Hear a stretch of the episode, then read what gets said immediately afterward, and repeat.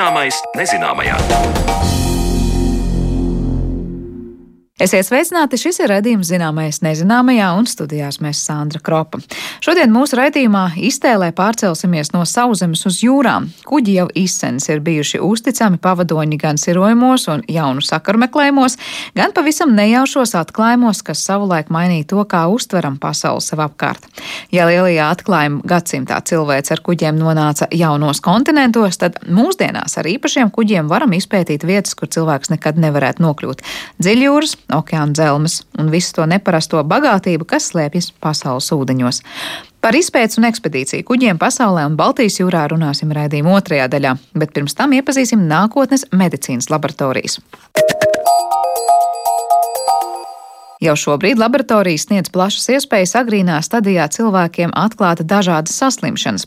Raugoties nākotnē, uz laboratorijām liekam vēl lielākas cerības, piemēram, demenču un ģenētisku saslimšanu diagnostikā. Kas ļaus šādas slimības atklāt, arvien labākas zināšanas par bioloģiju vai jaudīgākas tehnoloģijas.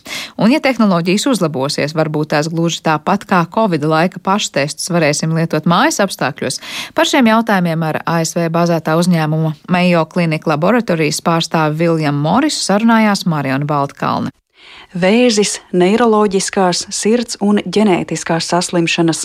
Šīs ir dažas slimības, kuras palīdz un nākotnē vēl labāk palīdzētu diagnosticēt biomarķieri. Tie ir dažādi bioloģiski rādītāji mūsu ķermenī, piemēram, proteīni cilvēka asinīs, kas var sniegt informāciju, ja kaut kas organismā nedarbojas normas robežās, un tieši tas ļauj konstatēt kādu slimību jau visai agrīnā stadijā. Laboratorijas ir neatsverama sastāvdaļa, lai cilvēkiem piedāvātu testu veikšanu un biomarķieru analīzi, un tas jau notiek, bet kā tas varētu būt nākotnē? Ko jaunu mēs varētu iegūt no laboratorijām un kā vispār varētu mainīties laboratoriju loma sabiedrībā? Atālināti ierakstītā sarunā to vaicāju medicīnas zinātņu doktoram, kā arī ASV uzņēmuma Mayo Clinic Laboratories prezidentam un izpildirektoram Viljamam Morisam, kurš nesen viesojās konferencē Rīgā, lai runātu par laboratoriju potenciālu veselības aprūpes sistēmā. Kurās jomās laboratoriju iespējas mainīsies pēc desmit gadiem, par to turpina Viljams Moris. Even before COVID 19, we were at the kind of at the threshold of a major change in the clinical laboratory because the clinical laboratory is impacted by technological innovation. And then that's been very much accelerated by the Vēl pirms Covid-19 pandēmijas klīniskās laboratorijas savā ziņā atradās pārmaiņu priekšā, jo tehnoloģiskās inovācijas ietekmē laboratorijas. Pandēmijas laikā pārmaiņu process pātrinājās, jo visā pasaulē tika veikti lieli ieguldījumi klīnisko laboratoriju tehnoloģijās. Tāpēc es domāju, ka mēs piedzīvosim divas būtiskas izmaiņas tuvāko desmit gadu laikā. Viena lieta, ņemsim par piemēru saslimšanu ar vēzi. Tā ir izpratne par riskiem, izpratne par agrīnu diagnostiku, jo labākais veids, kā kontrolēt lielāko daļu slimību, to starp vēzi, ir agrīni tās diagnosticēt vai pilnīgi no tām izvairīties. Tādējādi mēs aizvien vairāk un vairāk saskarsimies ar pieejām prognozēt vēzi. Tātad jūs zinātu, cik bieži nepieciešams veikt skrīningu, vai arī būtu aizvien precīzāki skrīninga testi agrīnai vēža diagnostikai. Vēl viens nezināmais, kurā attīstījāmies vēl pirms pandēmijas, bija precīzā, jeb tā saucamā personalizētā medicīna. Proti, kad mēs domājam par vēzi, tad ar to saprotam plaušu, krūts vai prostatas vēzi, bet patiesībā vēzis tās ir vairākas slimības vienopus. Mēs domājam par orgānu, kurā vēzis attīstās, bet realtātē tā nav viena slimība, tās ir vairākas. Tas, ko mēs līdz šim esam darījuši, mēs godīgi sakot, esam ārstējuši vēzi bez lielas sapratnes, kas patiesībā ir šis atsevišķais vēzis, bet ar biomarķieru palīdzību būtu iespējams veikt daudz precīzāku diagnostiku. Otra joma, kurā mēs desmit gadu laikā piedzīvosim pārmaiņas, ir neiroloģiskās saslimšanas. And I think the other major area where we'll see big changes in 10 years is in neurologic diseases. Yeah, I know that scientists are already taking blood tests from people. Jā, ir zināms, ka jau šobrīd zinātnieki iegūst asins paraugus no cilvēkiem, lai analizētu Alzheimera slimību agrīnā stadijā. Tas jau šobrīd soli pa solim notiek, vai ne? Jā, tieši tā, un biomarķieri ir arī smadzeņu šķidrumā, tātad šķidrumā ap galvas un muguras smadzenēm, ko mēs varam izmantot, lai precīzi prognozētu Alzheimera slimību. Bet atkal, Alzheimera slimība vai Parkinsona slimība, kas ir vēl viena neiroloģiska saslimšana, bieži vien tās patiesībā apzīmē virkni dažādu slimību, kā mums līdz šim vienkārši nav bijis klīnisku testu un instrumentu, lai vienu slimību atšķirtu no citas.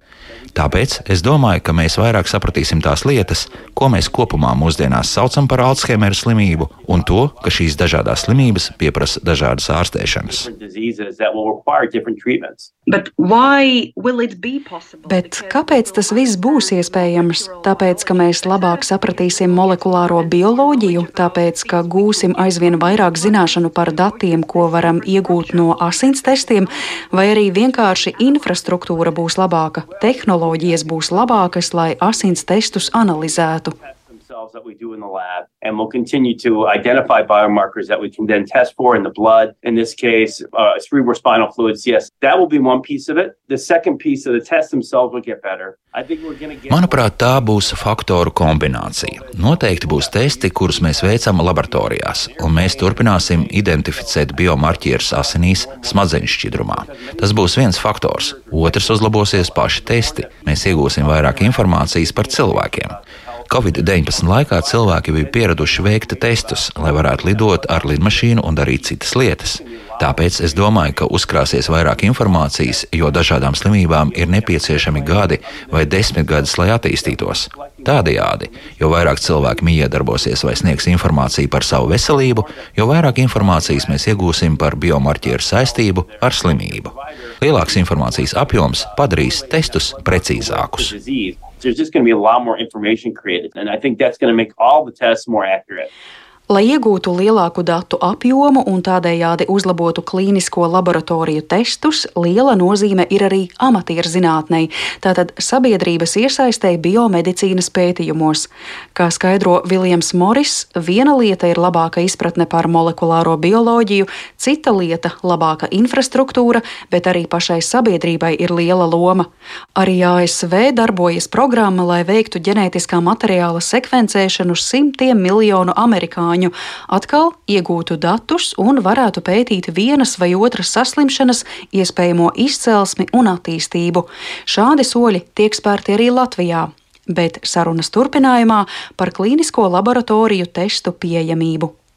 All right, on the one hand, we could say that it will be very easy to take a small blood sample to analyze what kind of diseases. Uh, Labi, no vienas puses mēs varētu teikt, ka būs ļoti vienkārši paņemt nelielu asins paraugu, lai saprastu, ar ko konkrētais cilvēks varētu slimot.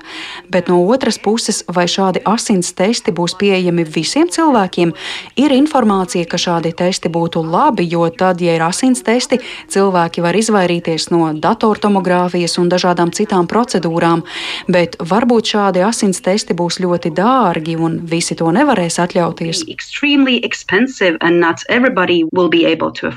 Yeah, well, that is a concern. The amount of lab testing globally has increased 30 to 40% with the pandemic because so many countries are making investments in clinical testing. In the US, we're seeing a, a really a proliferation of. Jā, tās ir bažas. Pandēmijas laikā laboratorijas testu izmantošana globāli pieaugusi par 30 līdz 40 procentiem, jo ļoti daudzas valstis veica ieguldījumus klīniskajā testēšanā. Amerikas Savienotajās valstīs mēs redzam, ka pieaudzis mājas veikto testu patēriņš, tātad jums nav jādodas pie ārsta. Tieši tāpat ASV Covid laikā novērojām, ka testēšana izcēla atšķirības veselības aprūpas pieejamībā. Un cita lieta, tas ir, ko minējāt, kā mēs padarām testus pieejamus cilvēkiem. Jo realitāte ir tāda, ja veicam testus pareizi, tiem ir daudz lielāka vērtība pacientam individuāli. Ja, piemēram, es uzzinu, ka man ir potenciāls saslimt ar vēzi, vai arī man ir pirmsvēža bojājums organismā, tad veselības aprūpas sistēmai testi izmaksā daudz mazāk nekā tad, ja man tiek veikta operācija un speciāla ķīmijterapija. Tāpēc atbildi ir. Ieguldījumi laboratorijās jāpadara ilgstoši un jāapzinās laboratoriju vērtība pacienta labā panākot, ka šie testi cilvēkiem ir pieejami, nevis ka tie ir ārkārtīgi dārgi. trying to make them so expensive. We could probably mention even more diseases like heart problems and this and that. Mēs droši vien vēl varētu minēt sirds saslimšanas un citas slimības, ko šādā veidā varētu diagnosticēt, kā ar ģenētiskām saslimšanām. Jā, tā ir vēl viena joma. Atgriežoties pie jūsu jautājuma par izmaksām, tas, ko redzam ASV, ir fakts, ka izmaksas ģenētiskai testēšanai ir būtiski samazinājušās. Un taisnība, daudz no šiem testiem mums var parādīt, kurā brīdī pastāv risks ģenētiskai saslimšanai, vai arī ka ir jau kāda saslimšana, kas vēl nav sākusi izpausties.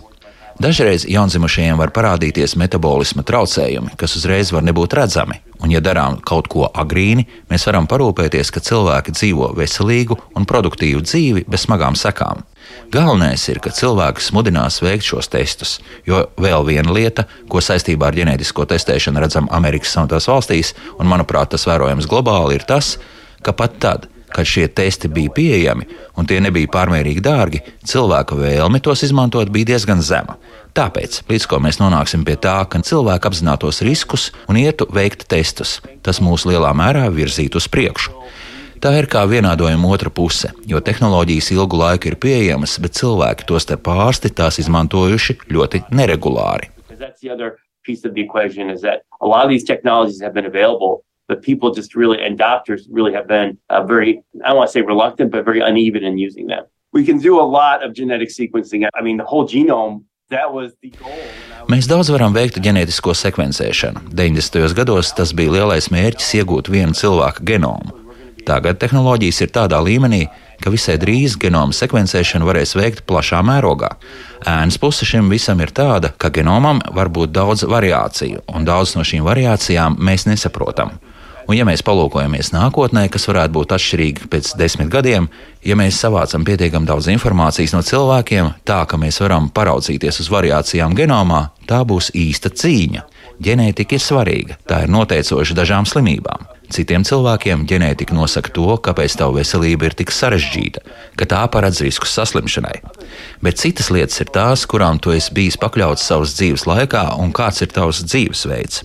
Līdz ar to, iegūstot ģenētisko informāciju, mums ir nepieciešama arī cita veida informācija par to, kā cilvēki dzīvo, un jāapzinās šādas informācijas nozīme. Pašlaik mēs redzam, ka ir daudz informācijas un daudz ģenētisko variāciju, taču dažreiz nesaprotam, ko tas nozīmē individam. Sometimes we really struggle to know what it means for an individual. Way, mainly... Starp citu, mēs runājām par biomarķieriem, vai tie galvenokārt ir proteīni, vai arī tās varētu būt cita veida molekulas. Ir trīs galvenās kategorijas biomarķieriem. Ir ģenētiskais materiāls, DNS, RNS, tad ir proteīni, un trešā kategorija ir visi metabolīti, ne proteīni, ķīmiskās vielas, kas ir mūsu organismā. Patiesībā visvērtīgākais ir tad, ja mēs iegūstam informāciju no visiem trim komponentiem kopā un saprotam to miedarbību. Ģenētika var sniegt jums kādu informāciju, tāpat arī proteīnu un metabolīti. Var iedot kādu informāciju, bet, kad saliekam to visu kopā, ir iespējams veikt daudz precīzāku diagnostiku un novērojumus. Un vēl viena sastāvdaļa ir mikrobioms, baktērijas gremošanas traktā, baktērijas uz ādas. Tā ir daļa no tā, kas mēs esam, un arī mikrobiomu būtiskākai ietekmei uz veselību mēs turpināsim pievērst uzmanību. And finally, I wanted to ask you we have talked about laboratories and their role in the future. But, uh...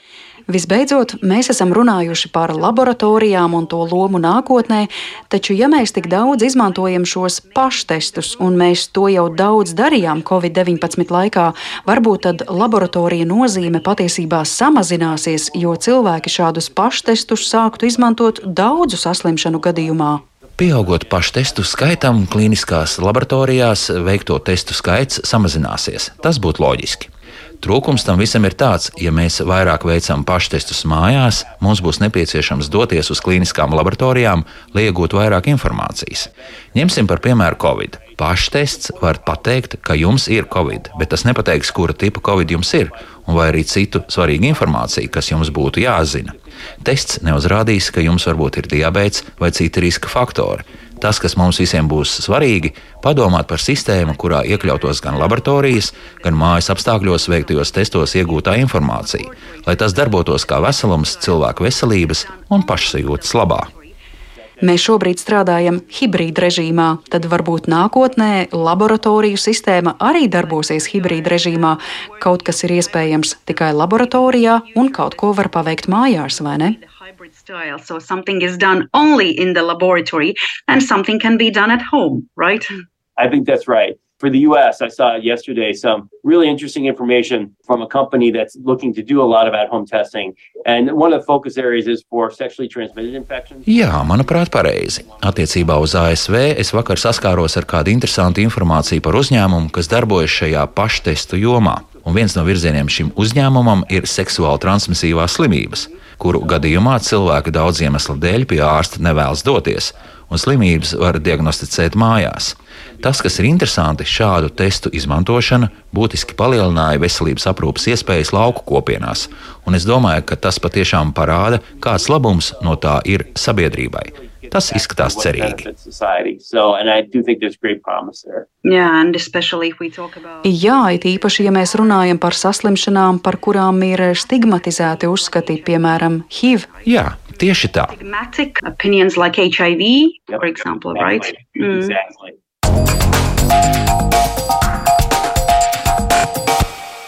Paldies Marionai Baltkalnē par stāstu. Dzirdējām kolēģis sarunu ar ekspertiem no Mejo klīnikas, bet no nākotnes medicīnas analīžu laboratorijām pārceļamies uz peldošām laboratorijām pasaules jūrās.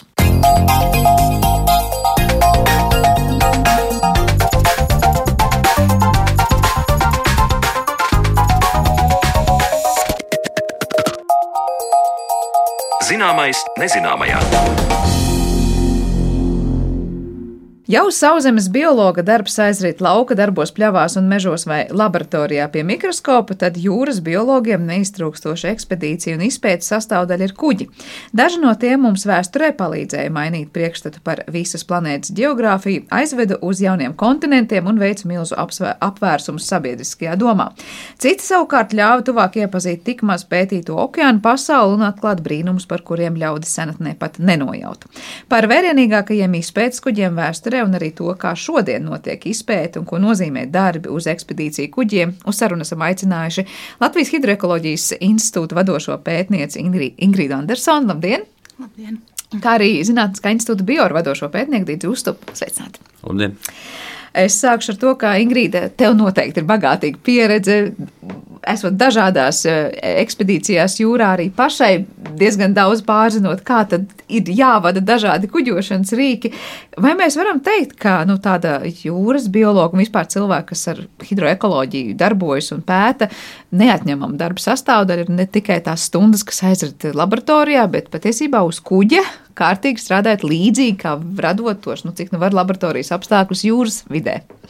Nu, es ļoti gribētu piekrist šim apgalvojumam. Manā izpratnē nu, nebūtu īsts jūras biologs, kurš pavadītu laiku tikai laboratorijā vai tikai kabinetā, aprakstot dažādas procesus. Nezinu, man, man tā ir ne, ne, neatņemama dzīves sastāvdaļa braukšana jūrā. Tā kā nepietiek ar to, ka kāds atved paraugus, kurus tālāk ir jāanalizē, jābrauc pašai tiem pakaļ, bet ko īsti nozīmē doties pēc paraugiem jūrā, un vai tas ir nu, jebkurš kuģis, kas var aizvest, un tad vienkārši ir aprīkoti līdzi rīki, ar ko tas jūras biologs strādā, vai tam pašam kuģim jau ir jābūt citādākam?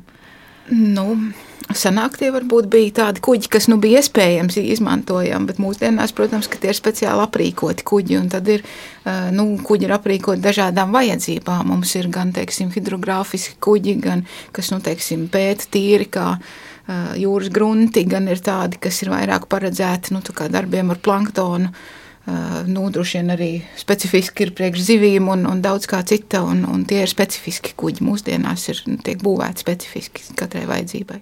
Par tiem tad arī sīkāk parunāšu. Gribu arī Digim vaicāt par to, kādi ir šie kuģi, ar kuriem, nu, nezinu, veids zivju uzskaiti vai izpēti, cik ļoti atšķirīgi no jebkura kuģa, vai mēs tā garām ejot, varbūt uzreiz varētu pateikt, lūk, tas ir izpētes kuģis. Ir darbi, ko mēs varam un ko mēs arī veicam sadarbībā ar zvejniekiem. Uh, mēs konkursu kārtībā noslēdzam līgumus. Un tad ir, protams, specifiskāki darbi, kas ir iespējams veikt tikai uz zvinie, zinātniskajiem kuģiem. Zinātniskie kuģi atkal, protams, iedalās, ir dažādi, pa lielu, ar kuriem var ķert zivis, ar kuriem nevar ķert zivis. Un, Bet, kā jau Ingrīda teica, mūsdienās tie kuģi vairāk nav tādi šauri specializācija, viņi ir peldošās laboratorijas. Un, uh, atceros, gadus atpakaļ mums bija zinātniskais reizes, kur galvenais uzdevums bija noķert mēnesi mazuļus. Pēc tam jau bija arī citu zivju sugas, pēc tam arī mēs skatījāmies zooplanktonu, ichtioplanktonu, ūdens temperatūru, dažādu hidroloģiju. Nu, jau arī mēs jūras grunti pētām, jūras piesārņojumu. Tā, kā, nu, tā liekas, tas ir tas virziens, ka no šauras specializācijas mēs ejam pēc iespējas plašāk. Nav noslēpums, ka uh, zinātniskie kuģi ir dārgi. Ja mums par dienu, jūras dienu ir jāmaksā sākot no 10 līdz pat 50 tūkstoši eiro, Nu, tā ir tā, kā kuģa īra, var teikt, vai kas? Uh, jā, ja, ja pašiem nav savs kuģis, un, teiksim, ja mēs gribam nomāt, īrēt zinātnisko kuģi, tad plus mīnus viņš maksā no lieluma, no sarežģītības, no 10 līdz 50 tūkstoši eiro dienā Baltijas jūrā. Ja mēs ejam tālāk uz okeāniem, tur jau ir. Nu, ja neviena nulle klātī, tad. Nu, krietni katrā ziņā pieaug šīs izmaksas. Un tādam pētījumam ar vienu dienu pietiek pētniekam vispār. Nu, cik var izpētīt jūras pētnieks vienā dienā? Droši vien, ka neko. Ar vienu dienu nepietiek, bet bieži vien tiešām tos pētījumus nosaka, cik daudz ir naudas, lai varētu īrēt kuģis.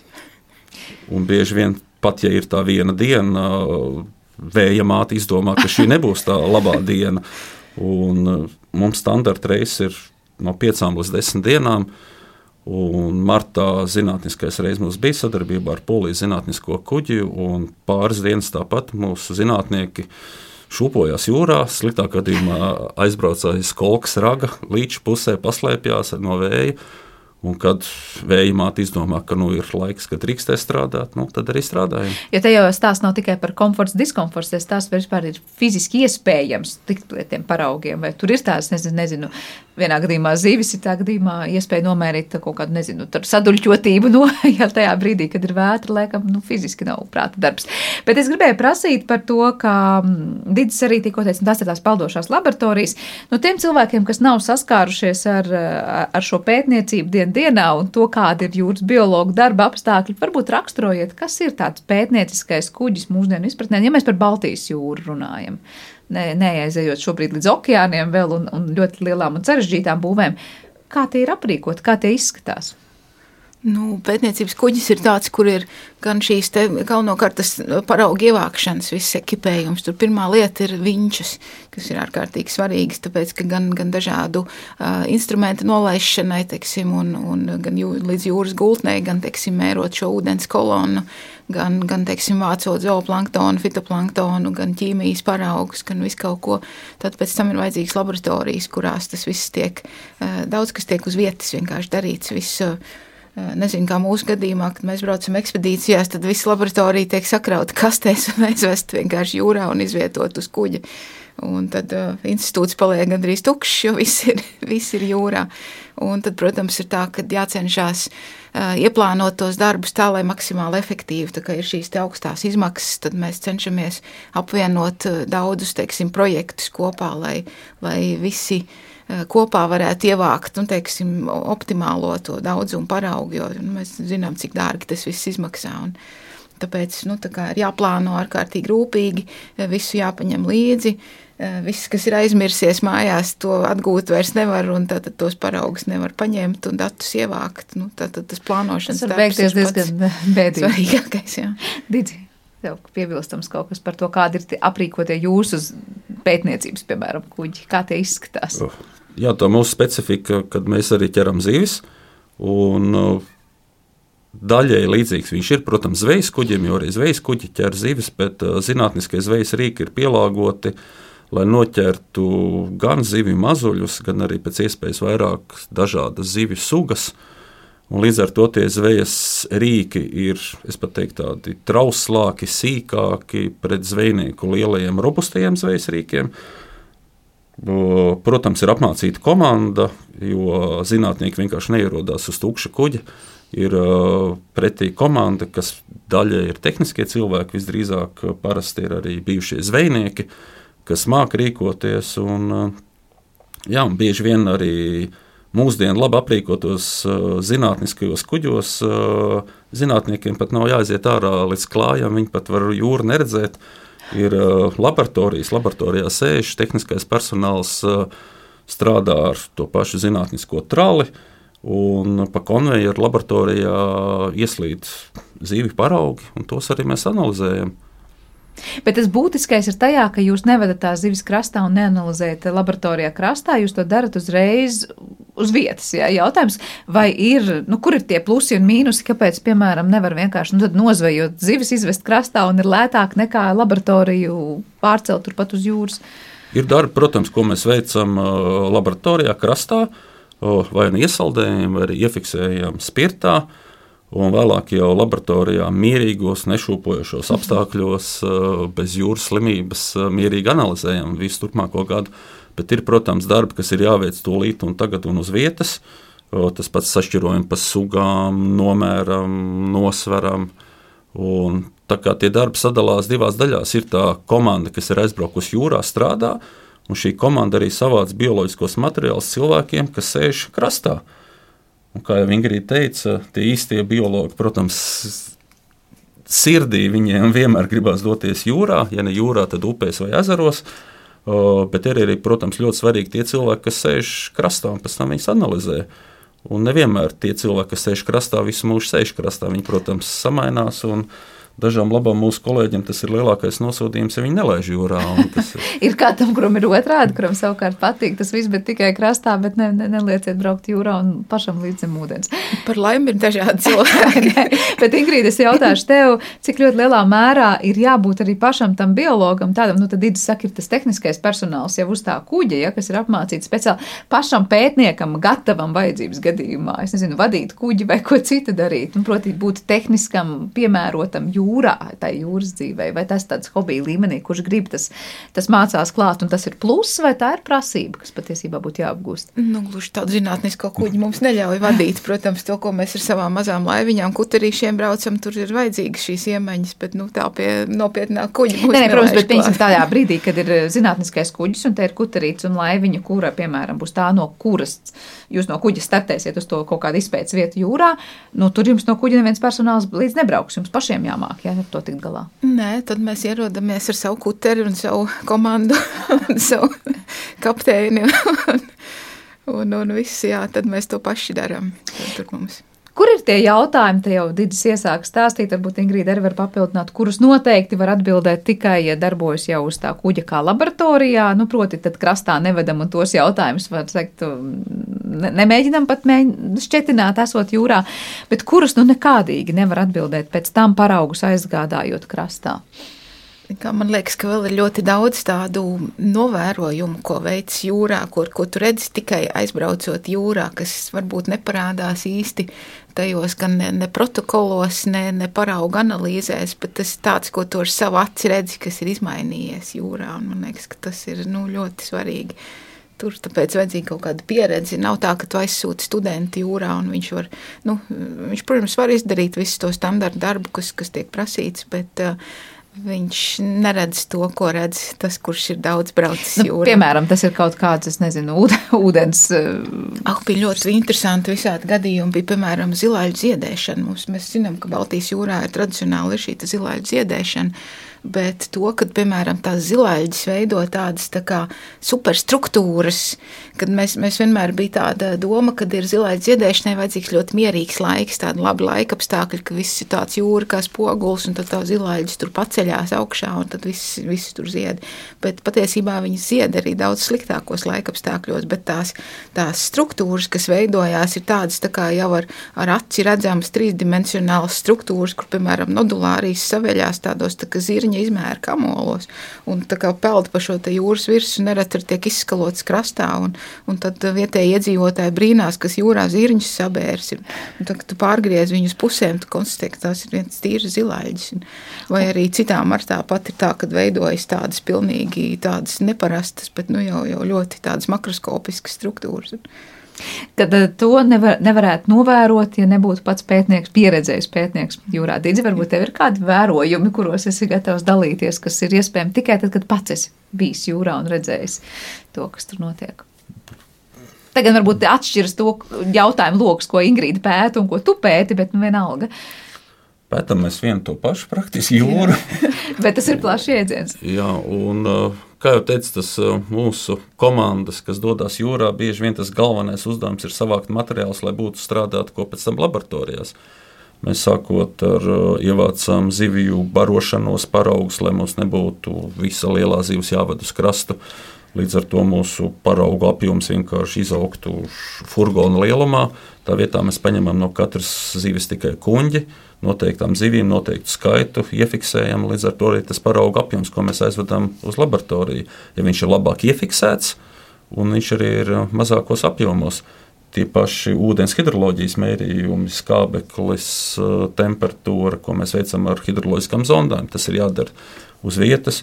Ja mums ir gudrās tehnoloģijas no satelīta, visdrīzāk tas var izdarīt jūras virsmā, bet, ja mēs, saprat, ja mēs gribam saprast, kas notiekās jūras apakšējā daļā, mums tā zonda ir jānolaiž. Un tad ir tie vajadzīgi tie zinātnieki, kas laiž to zondi lejā, vai tā ir parastā zonda, vai kāds robotiņš ar kamerām. Un, uh, tie ir tie darbi, ko arī cilvēki zinātnieki dara. Cik ļoti lielā mērā šobrīd šie peldošie laboratorijas kuģi ir aprīkoti ar dažādiem robotiem un daudzām citām tehnoloģijām, ja mēs atskatāmies vēsturē, kā ir mainījušies šie izpētes kuģi. Viņi paliek tādi lielāki, sarežģītāki un dārgāki, vai gluži otrādi, atkal daudz ko šobrīd var ietilpināt fiziski mazāk vietas aizņem nekā varbūt, nezinu, gadsimta pagājušā, nu, jāsaka, vidū. Kādi citi kuģi, Ingrīda, kā tev ir tā sajūta? Kas ir tās tendences? Jā, es domāju, ka, protams, ka viņi paliek mazāki. Man liekas, ka tur senāk bija tā, ka likās, nu, ka jo lielāks kuģis, jo labāk te jūrā braukt. Šobrīd tie kuģi vairs nav tik lieli, bet, eh, protams, ka viņi ir ļoti aprīkoti ar visu kaut ko. Un, un eh, ir interesanti tas, ka daudzi kuģi eh, ir būvēti diezgan senos laikos. Daudz, kas ir 60. gados, daudz 80. gados, kas vēl ar vienu, teiksim, funkcionē un tiek uzlaboti un atkal tiek uzliktas jaunas, modernākas tehnoloģijas un atkal tiek izmantoti kuģi dārgi. Un, Un, nu, tāda būvēt jaunus ir, ir stipri sarežģīti, tāpēc tiek izmantoti šie iepriekšējie resursi. Bet nav tā, ka šobrīd aprīkot un darbināt to veco kuģi ir dārgāk nekā, nekā Varbūt, to jauno. Jā, jā. Tā arī varētu tur būt. Visādi drošības, tur asbests un mm. kas tur laikam Zviedrijas. Tā kā Zviedri uzbūvēja pēdējo kuģi zinātnisko Baltijas jūrā Svējā, 50 miljonu eiro viņš izmaksāja. Nu, labi. Viņi gribēja arī, lai viņu kuģis būtu ja ne labāks, tad vismaz vienā līmenī ar Norvēģiem. Tāpēc tas kuģis ir paredzēts ne tikai Baltijas jūrā, bet arī Ziemeļjūrā, lai varētu strādāt. Bet, protams, ir šie viens virziens, mēs pēc iespējas labāk aprīkojam zinātniskos kuģus. Un tad tas otrs virziens mūsdienās, kas attīstās, ir, kad varbūt tās nevienmēr jūrā vajag sūtīt kuģi. Ir mazi robotiņi, kas ir dažādiem satelītiem, saules baterijām un dažādām fizikālām, es pat līdz galam nesaprotu, uz kādām sistēmām, kas var pavadīt jūrā nedēļas un mēnešus. Viņš savā nodabā nirst augšā, lejā, augšā, lejā, tad sazinās ar satelītu, iegūst jaunas komandas un uh, strādā. Un tikai cilvēks pieslēdzās aizvien mazāk un mazāk. Iespējams, tas ir tas nākotnes virziens, kur uh, daļu no tiem darbiem mūsu vietā vadī, darīs robotiņi. Nu jā, laikam tie specializācija un tiešām paņemt katram savu nišu, bet nu, bez cilvēka jūras izpētē noteikti neiztiksim noteikti arī turpmākajos gados. Es gribētu bilst tur Jurim, Digzīm, es atvainojos, ir liela taisnība, tāpēc, ka šiem robotiem ir tā priekšrocība, ka tie varētu arī darboties sliktos laikapstākļos, jo kuģim vienmēr ir tā grūtība, kad ir jābrauc laik, jūrā labos laikapstākļos, bet ja ir šie te automātiskās tās sistēmas, tad tās var būt vajadzīgas tādas, kas varētu funkcionēt arī netik labos apstākļos. Jūras vidē nenoliedzam, tas ir svarīgi, kā jau Dits arī pirms tam teica, nav tā, ka jāiet pēc tam aiz kaut kas rag un jāgaida tas un piemērotākās dienas. Un iespējams robotiņam arī necelsies izmaksas tik strauji, kā Jā. degvielas izmaksas, algas izmaksas, jo mēs redzam tie paši atkal zinātniskie kuģi izmaksas nezinu, pēdējo piecu gadu laikā vismaz ir dubultojušās tās izmaksas. Un... Uz kā rēķina uz resursu vai uz darba degviela, spēku? Darba spēks, degviela, algas, un uh, mēs redzam arī, kas notiek ar inflāciju. Tas, uh, Jā. kopā sasumējas un e, realitāte mainās. Bet pirms brīža šeit Digis teica, nu, kad ir zviedri uzbūvējuši to savu kuģi un gribēja tikpat labu kā norvēģi kuģi, viens piemērots Ziemeļjūrai, viens Baltijas jūrai. Mazliet parunāt par to, ar ko atšķiras, nu, lai kuģis būtu piemērots Baltijas jūrai vai Ziemeļjūrai. Nu, proti, kāpēc nevar viens un tas pats izpētes kuģis abās jūrās e, vienlīdz labi strādāt? Kur ir tā specifika un kur ir tie klupšanas akmeņi? Neesmu ļoti liels speciālists, bet cik es saprotu, tad Baltijas jūrā tas kuģis varētu būt arī mazāks. Ziemeļjūrā tie laika apstākļi ir diezgan skarbāki, un tur to kuģi vajag arī vienkārši lielāku un iknāku, lai viņš varētu strādāt arī sliktākos laika apstākļos. Jo, nu, jo ir mazāks kuģītis, jo mums vēja māte pēc iespējas biežāk ietekmē, jo mums ir lielāks kuģis, mēs varam pacīnīties pret viļņiem. Jo, ja mums ir jānokļūst, nezinu, 5 jūras jūdzes vai 10 km uz priekšu, un ja mēs pret vilni netiekam, tad mēs vienkārši stāvam uz vietas. Bet, ja tas kuģis ir spēcīgāks, viņš arī ir modernāks, viņš tik traki nešūpojās un spēj izdarīt savu uzdevumu, tad ir iespējams pastrādāt arī sliktākos laika apstākļos. Bet... Ja. Ingrīda gribēja piebilst. Nu, jā, es runāju, protams, liela speciālista, kā atšķirās šī kuģa uzbūve, bet es gribēju teikt, ka mēs strādājām jūrā uz um, lietuviešu pavisam modernu būvēta kuģa. Un, uh, viņi caurmērā savus nu, hidrogrāfiskais kuģis, un viņi pārsvarā veic izpētes darbus gan Ziemeļjūrā, gan gan Biskajas līcī, gan, gan daudz kur citur. Nu, tas kuģis tiek izīrēts pa nu, visur, nu, gar, gar Eiropu, bet Baltijas jūrā ar to bija strādāt ārkārtīgi grūti. Kāpēc? Tāpēc, kad Baltijas jūrā ir tik, nu, tā, tā ir šaura un tāda, nu, sekla jūra, tad tie viļņi ir tādi ārkārtīgi īsi un tādi saraustīti. Un to kuģi šūpoja tik mežonīgi, kad, nu, vienkārši tur nebija glābiņa. Un, ja mēs teiksim, ja tas nu, katamarāns, kuram liktos, ka vajadzētu būt stabilam, bet uh, jau pie pusotra metra viļņa, ko normāli, teiksim, ar jebkādu, nu, teiksim, gan zvejas kuģi, gan jebkādu citu mēs varētu braukt un pat lāga nesajust, tad to katamarānu svaidīt, kā nezinu, tur kokam pannas lidoja nemitīgi, vai ne, mēs vēl, nu, tā kā gribās noturēties, vēl pabraukt kādu laiciņu, bet ne, tur lejā koks bļauj, ka viss viņam lido pa gaisi, tur viss lec un vienkārši nevar izturēt. Kur liktos otrādi, jo, ir piemērotāks kuģis, eh, nu, kā Ziemeļjūrā. Jā, bet viņi brauc Ziemeļjūrā un viss kaut kur citur, un es domāju, tur tie viļņi noteikti ir lielāki, bet tie ir tādi lēzenāki un garāki, un tur viņiem ir vieglāk noturēties to, un Baltijas jūra sarežģīta jūra kuģošanai. Kā ir ar to, ka ir kuģi, kas ir piemēroti tikai arī varbūt iekšzemes vispār ūdeņu pētniecībai, un ir kuģi, kur vispār nemaz nemēģināt jūru pētīt, šeit pat Baltijas jūrā vai līcī vai kā. Cik ļoti, es nezinu, ir gadījies iebraukt ne ar to kuģi, varbūt ne jūrā un netikt krastā. Iekšējos ūdeņos jau mums Jā, nav, nav tādi nekādi. kuģi, un tur ir, protams, viņiem drošības klases, un uh, ir kuģi, ko vispār nedrīkst radīties jūrā, un mm. uh, līdz šim uh, ezeros, upēs mēs tiekam galā ar savām laimiņām un tādiem nu, kuģīšiem maziem. Nu, viens pieci. piemērs tikai bija valsts vidas dienas, tam bija kuģis Brēmeni, kas bija nācis no kaut kurienes, no Eiropā, no Elbas vai no kaut kurienes, kas bija riktīgs upju kuģis. No to nevarēja neko braukt. Pagājušajā gadā strādājām Saukas ezerā kopā ar uh, Čehu. Čehu zinātniekiem, un tad viņi atbrauc uh, ar piekāpi, savu kuģīti, metuši 4-5 garš, labi aprīkots. Un, uh, tādu jūrā labāk nerādīt. Bet tas galvenais iemesls ir kas, ka atkal nevarēs ar tiem viļņiem pretoties. Ak, tā ir iegrime un borta augstums un viss kaut kas tāds. Te brēmenē bija tā nelēma, ka nu, viņš saka, paliels kuģis bija, bet viņam bija tāda vieta, kur, kur tāds ārkārtīgi zems borts, kur tā kā iekāpšana, nu, kā cīm redzot, kā upē tur piestātni kaut kādu piestājies un tur tāds, tāds pazeminājums. Domāju, ka neko tur ar viņu nevarēja braukt. Pārsvarā stāvēja piestātnē. Runājot par citiem atkal kuģiem ārpus Baltijas jūras un Ziemeļjūras, bet nu, kā jūs raksturot, kādiem tiem ir jābūt, lai jau tur okeānu pētītu, un mēs te ļoti bieži dzirdam, nu, tās ir tās vietas, kur citkārt mēs neieskatītos, tur dažādas eh, tiešām dziļas vietas okeānā un nezināmas vietas okeānā. Tur mēs varam runāt tiešām par tām milzīgajām peldošajām laboratorijām, vai arī tur tādi mazāki izmēri kuģi mūsdienās var veikt milzu lietas. Kā jūs raksturot to pētniecības vidi?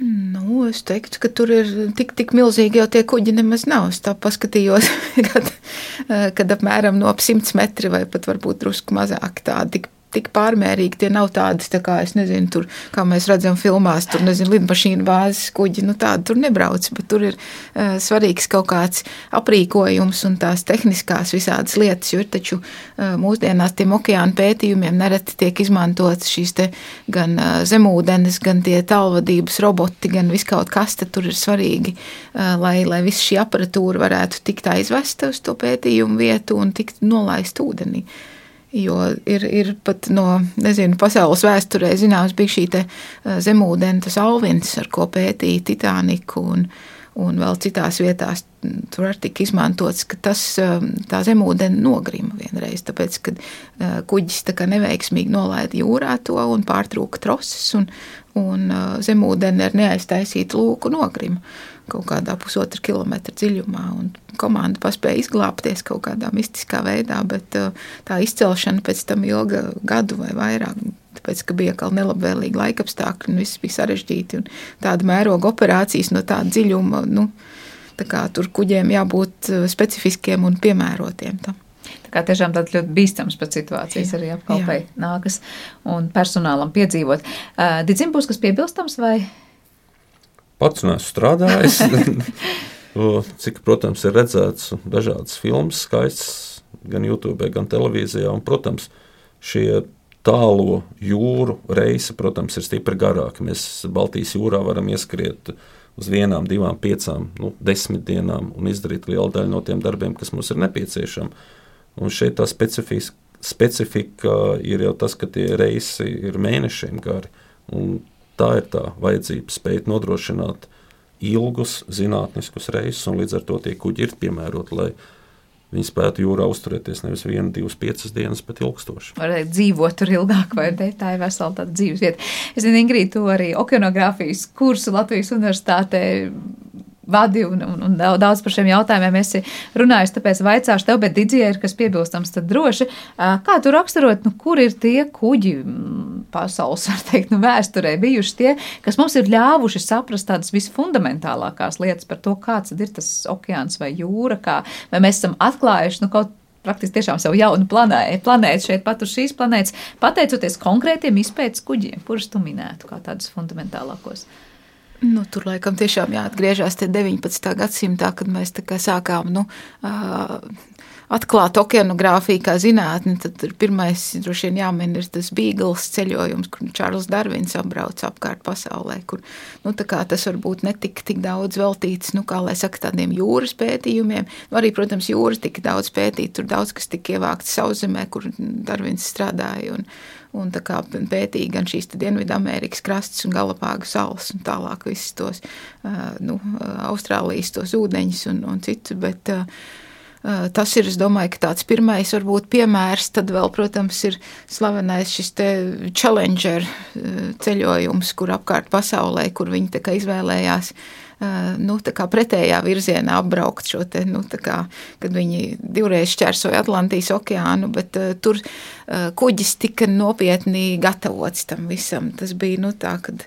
Uh, nu, es nezinu, kā lai to pareizi nosauc, kad, kad Britu nu, karalisti toreiz sūtīja, gatavoja šo kuģi speciāli šiem okeanogrāfiskajiem pētījumiem, ka tur kara kuģis tika pārbūvēts par, par nu, šo peldošo laboratoriju, kur lielgabalu vietā tur tika ierīkotas laboratorijas un mikroskopi. un, un, mikroskopi un piekrauts ar burciņām, kas ir pilnas ar spirtu priekšparaugu konservēšanas un, un visu kā, to bagāžas nodalījumu aizņēma tauvas, tāpēc, kad zinot to, ka cik dziļi dziļš ir okeāns un, un cik daudz uh, kilometru stāvu vajadzētu, lai veiktu nu, dažādas šos mērījumus, nolaistu. Uh, nu, nezinu, kāda to laika bija batometri un kā varēja paņemt paraugus, bet, nu, lai mērītu temperatūru, lai, lai paņemtu paraugus no ūdens dziļuma. Tā ārkārtīgi nopietna ekspedīcija tika sagatavota, un, un tas bija 1870, man liekas, otrais gads vai līdz kaut kādam.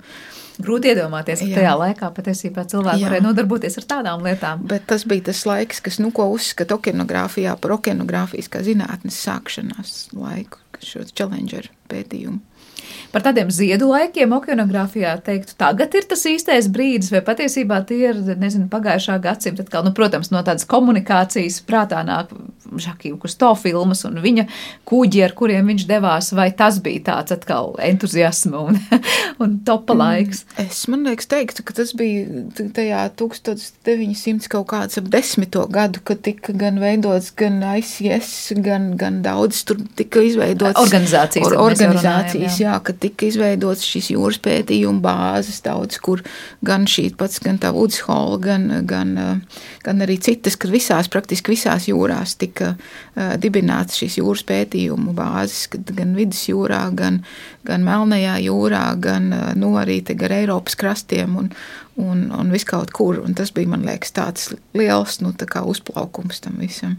Ir kāds laiks, par kuru varētu teikt, nu, ai, viņi darīja trakas lietas, nu, proti, to, kā šobrīd pat nevarētu iedomāties. Es nezinu, ko drīkst, ko nedrīkst zem ūdens pētot darīt, ka ir kaut kādā okeanogrāfijas vēstures lapusēs un uz šiem izpētes kuģiem darīts lietas, kas mūsdienu izpratnē jau nu, būtu vidi, vidi degradējošas varbūt.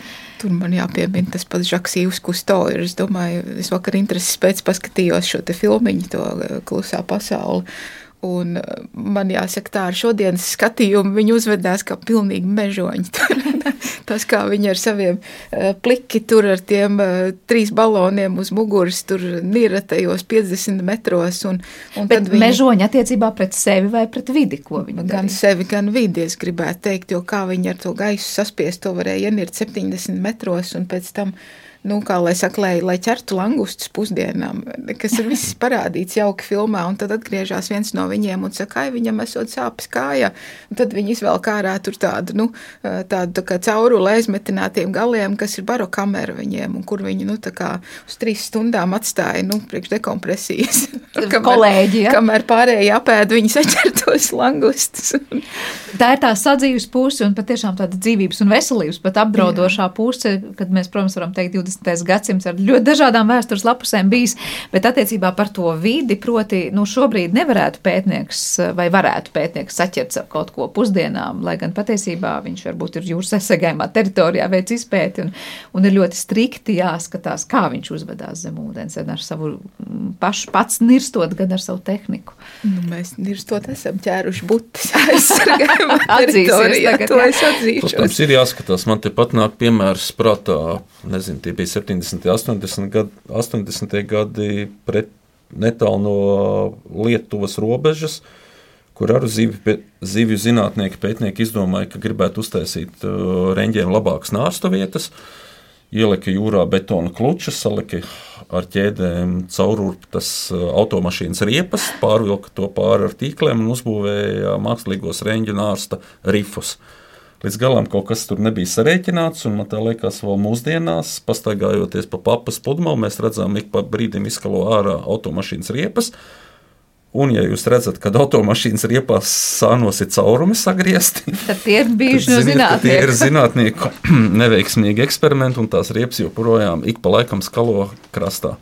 Protams, mūsdienās Man grūti iedomāties, ka kāds mums atļautu jūrā mest riepas iekšā. Un, um, Pašrocīgi izdomāt, veidot nārstu vietas. Jā, tas, protams, ir ideja laba un cēla, palielināt iespējas reņģiem nonārstot, bet nu, gribētos, lai arī padomā pārsojas uz priekšu. Tad jāķerās pie tādām atzītām metodēm, tur, kur Meksikā kaut kur ir. Es tagad nevaru atcerēties, kā sauc to mākslinieku, kurš veidoja mākslīgos rifus. Tur, tāpēc, kad eh, Meksikā tā turisma, nu, kā lai saka, rifu noplicināšana ir tik liela, ka nu, tur nu, Dabīgais daudz kas ir cietis. Ja? Un, un tad viņi veido tādās tā, smilšainās vietās mākslīgos rifus, kas ir tādas, nu, dažne dažādas interesantas skulptūras. Tur, nezinu, tur ir gan tā kā cilvēki, cilvēki, kas tādā tā kā aplī sastājušies, ir tur dažādi pēc sejām, var redzēt, ka tur ir dažādas rases un, un viss kaut kas. Un tur ir, nezinu, automašīnas un velosipēdi, viss no kaut kāda betona taisīts, kas pamazām apauga ar, ar korāļiem un, un dažādiem tur. Tie paši piemēri arī tuvāk, tepat Ziemeļjūrā un arī jau Baltijas jūrā, kur aizvien vairāk tiek būvēti vēja parki. Jā, kas no vienas puses zvejniekiem ir biets, jo tas ir slēgtā teritorija zvejai, No otras puses, tā ir aizsargājumā jūras teritorijas zivīm, un mēs esam sabūvējuši ar saviem vēja ģeneratoriem jaunus trīsdimensiju veidojumus. Tie ir jaunie rifi. Tad. Tā kā jā, main, nu, ļoti, ļoti liels izmaiņas notiek tajā, kā mēs uztveram jūru un ko mēs tajā darām un drīkstam darīt. Kaut vai pieminot šos 70. Ja, gadus, kad ir stāstīja par šīm nārstu vietām un riepām un to, ko ko dara šodien un kā tas notiek šodien. Noslēdzot šo sarunu, gribēju vēl jums vaicāt, eh, mēs te pieskārāmies gan dažādām citām jūrām, gan teritorijām un kuģiem, bet ja par Baltijas jūru mēs runājam, eh, dzirdējām piemēru par Zviedriem ar saviem kuģiem, par lietuviešu kuģi, kurš arī te ar vairāk veiksmīgi vai neveiksmīgi Baltijas jūrā bija darbojies. Mēs varam teikt, ka Baltijas jūra ir tāda nu, diezgan bagāta dažādām izpētes eh, kuģu vietām un lietām. Kā, kā ir Baltijas jūras kontekstā, kuras valstis ir tās vadošās un cik daudz mums ir tādu kuģu un kur viņi ir? Kurām valstīm mums ir Baltijas jūras izpētes? šādi instrumenti. Man liktos, ka tās bagātākās ir Vācija un Polija. Arī Lietuvai ir seši, seši Zviedrija. izpētes kuģi. Tā kā, jā. Jā. Vairumam no sevis cienošiem uh, un labiem zinātniskiem institūtiem ir uh, zinātniskie kuģi. Arī mūsu institūtam pagātnē bija uh, padomju laikos vairāki, mainoties laikiem, uh, kuģi tika sagriezti, nokalpojuši savu mūžu. Mūsdienās viens no risinājumiem ir pirkt to kā ārpakalpojumu, jo labie zinātniskie kuģi praktiski neviens no viņiem nekalpo tikai savam institūtam, savai valstī. Viņiem ir grafiks, kurā viņi strādā visu cauru gadu nemitīgi. Tad viņi strādā priekš sevis, tad viņi latviešiem, lietuviešiem, poļiem. Un tās ir tās ceļojošās laboratorijas, praktiski, kas ceļo pa to jūru, piepeld vienā ostā, otrā ostā, mainās zinātniskie uzdevumi un līdz ar to Var teikt, tāda grafiks ir ļoti stingrs un cik ļoti uz priekšu, ja tā var teikt, tas ir aizņemts. Nu, kā mm, ir iespēja, nezinu, piecus gadus pirms tam jau rezervēt kuģi un pētījumu, vai tur pietiek viena gada vai dažu mēnešu robežās? Dažādi ir vien. dažādi, un tas nav tik vienkārši, jo kuģi ir dārgi un ir, tas viss ir jātaisa caur iepirkuma procedūru, tie ir, iepirk, tie ir konkursi, un, kā jau minēju, tās kuģu cenas ir no 10 līdz 50 tūkstoši eiro dienā, un līdz ar to arī skatās, kāds ir tas paredzamais darbs. Vai mums tiešām vajag to pašu dārgāko kuģi, ja mēs varam to izdarīt ar lētāku kuģi. Jā, nu, jā, Jā, es gribēju teikt, ja, ja tādiem lokāliem pētījumiem, tā kā, nu, kur mums, teiksim, Rīgas līcī, nu, ja dažus mēnešus iepriekš mēs sākam veikt iepirkumu, bet uh, es zinu, ka, uh, lai, uh, nu, varētu īrēt šo te, teiksim, dārgo vai somu, kādu arandu vai, vai kādus no šiem te vācu vai kādiem kuģiem reizēm ir divi gadi un vairāk iepriekš, tā kā jārezervē šis kuģis. Tā kā kuģis droši vien nestāv vienkārši Nē, tāpat tukšs kādā brīdī, tukšs, līdzīgi kā mēs runājam par ļoti dārgām arī kosmosa iekā, eh, laboratorijām, ja tā mēs varam teikt, eh, observatorijām, kur var teikt, tur ir katra minūte sadalīta un, un, un nav iespējams tā, ka to nedara neviens. Liels jums paldies par sarunu. Es atgādināšu, ka šajā raidījuma daļā mēs bijām kopā ar Latvijas Hidroekoloģijas institūta vadošo pētnieci Ingrīdu Andersonu, kā arī Zinātniskā institūta bioru vadošo pētnieku Didu Ustupu. Runājām par izpētes kuģiem dažādos laikos un dažādās jūrās. Paldies visiem par klausīšanos. Ar to arī raidījums ir izskanējis un to producēja Paula Gulbinska. Par mūziku gādāja Girds Bišs, skaņu režijā bija Reinas Budze un studijā Sandra Kropa. Mēs tiekamies jau rīt. Visu labu!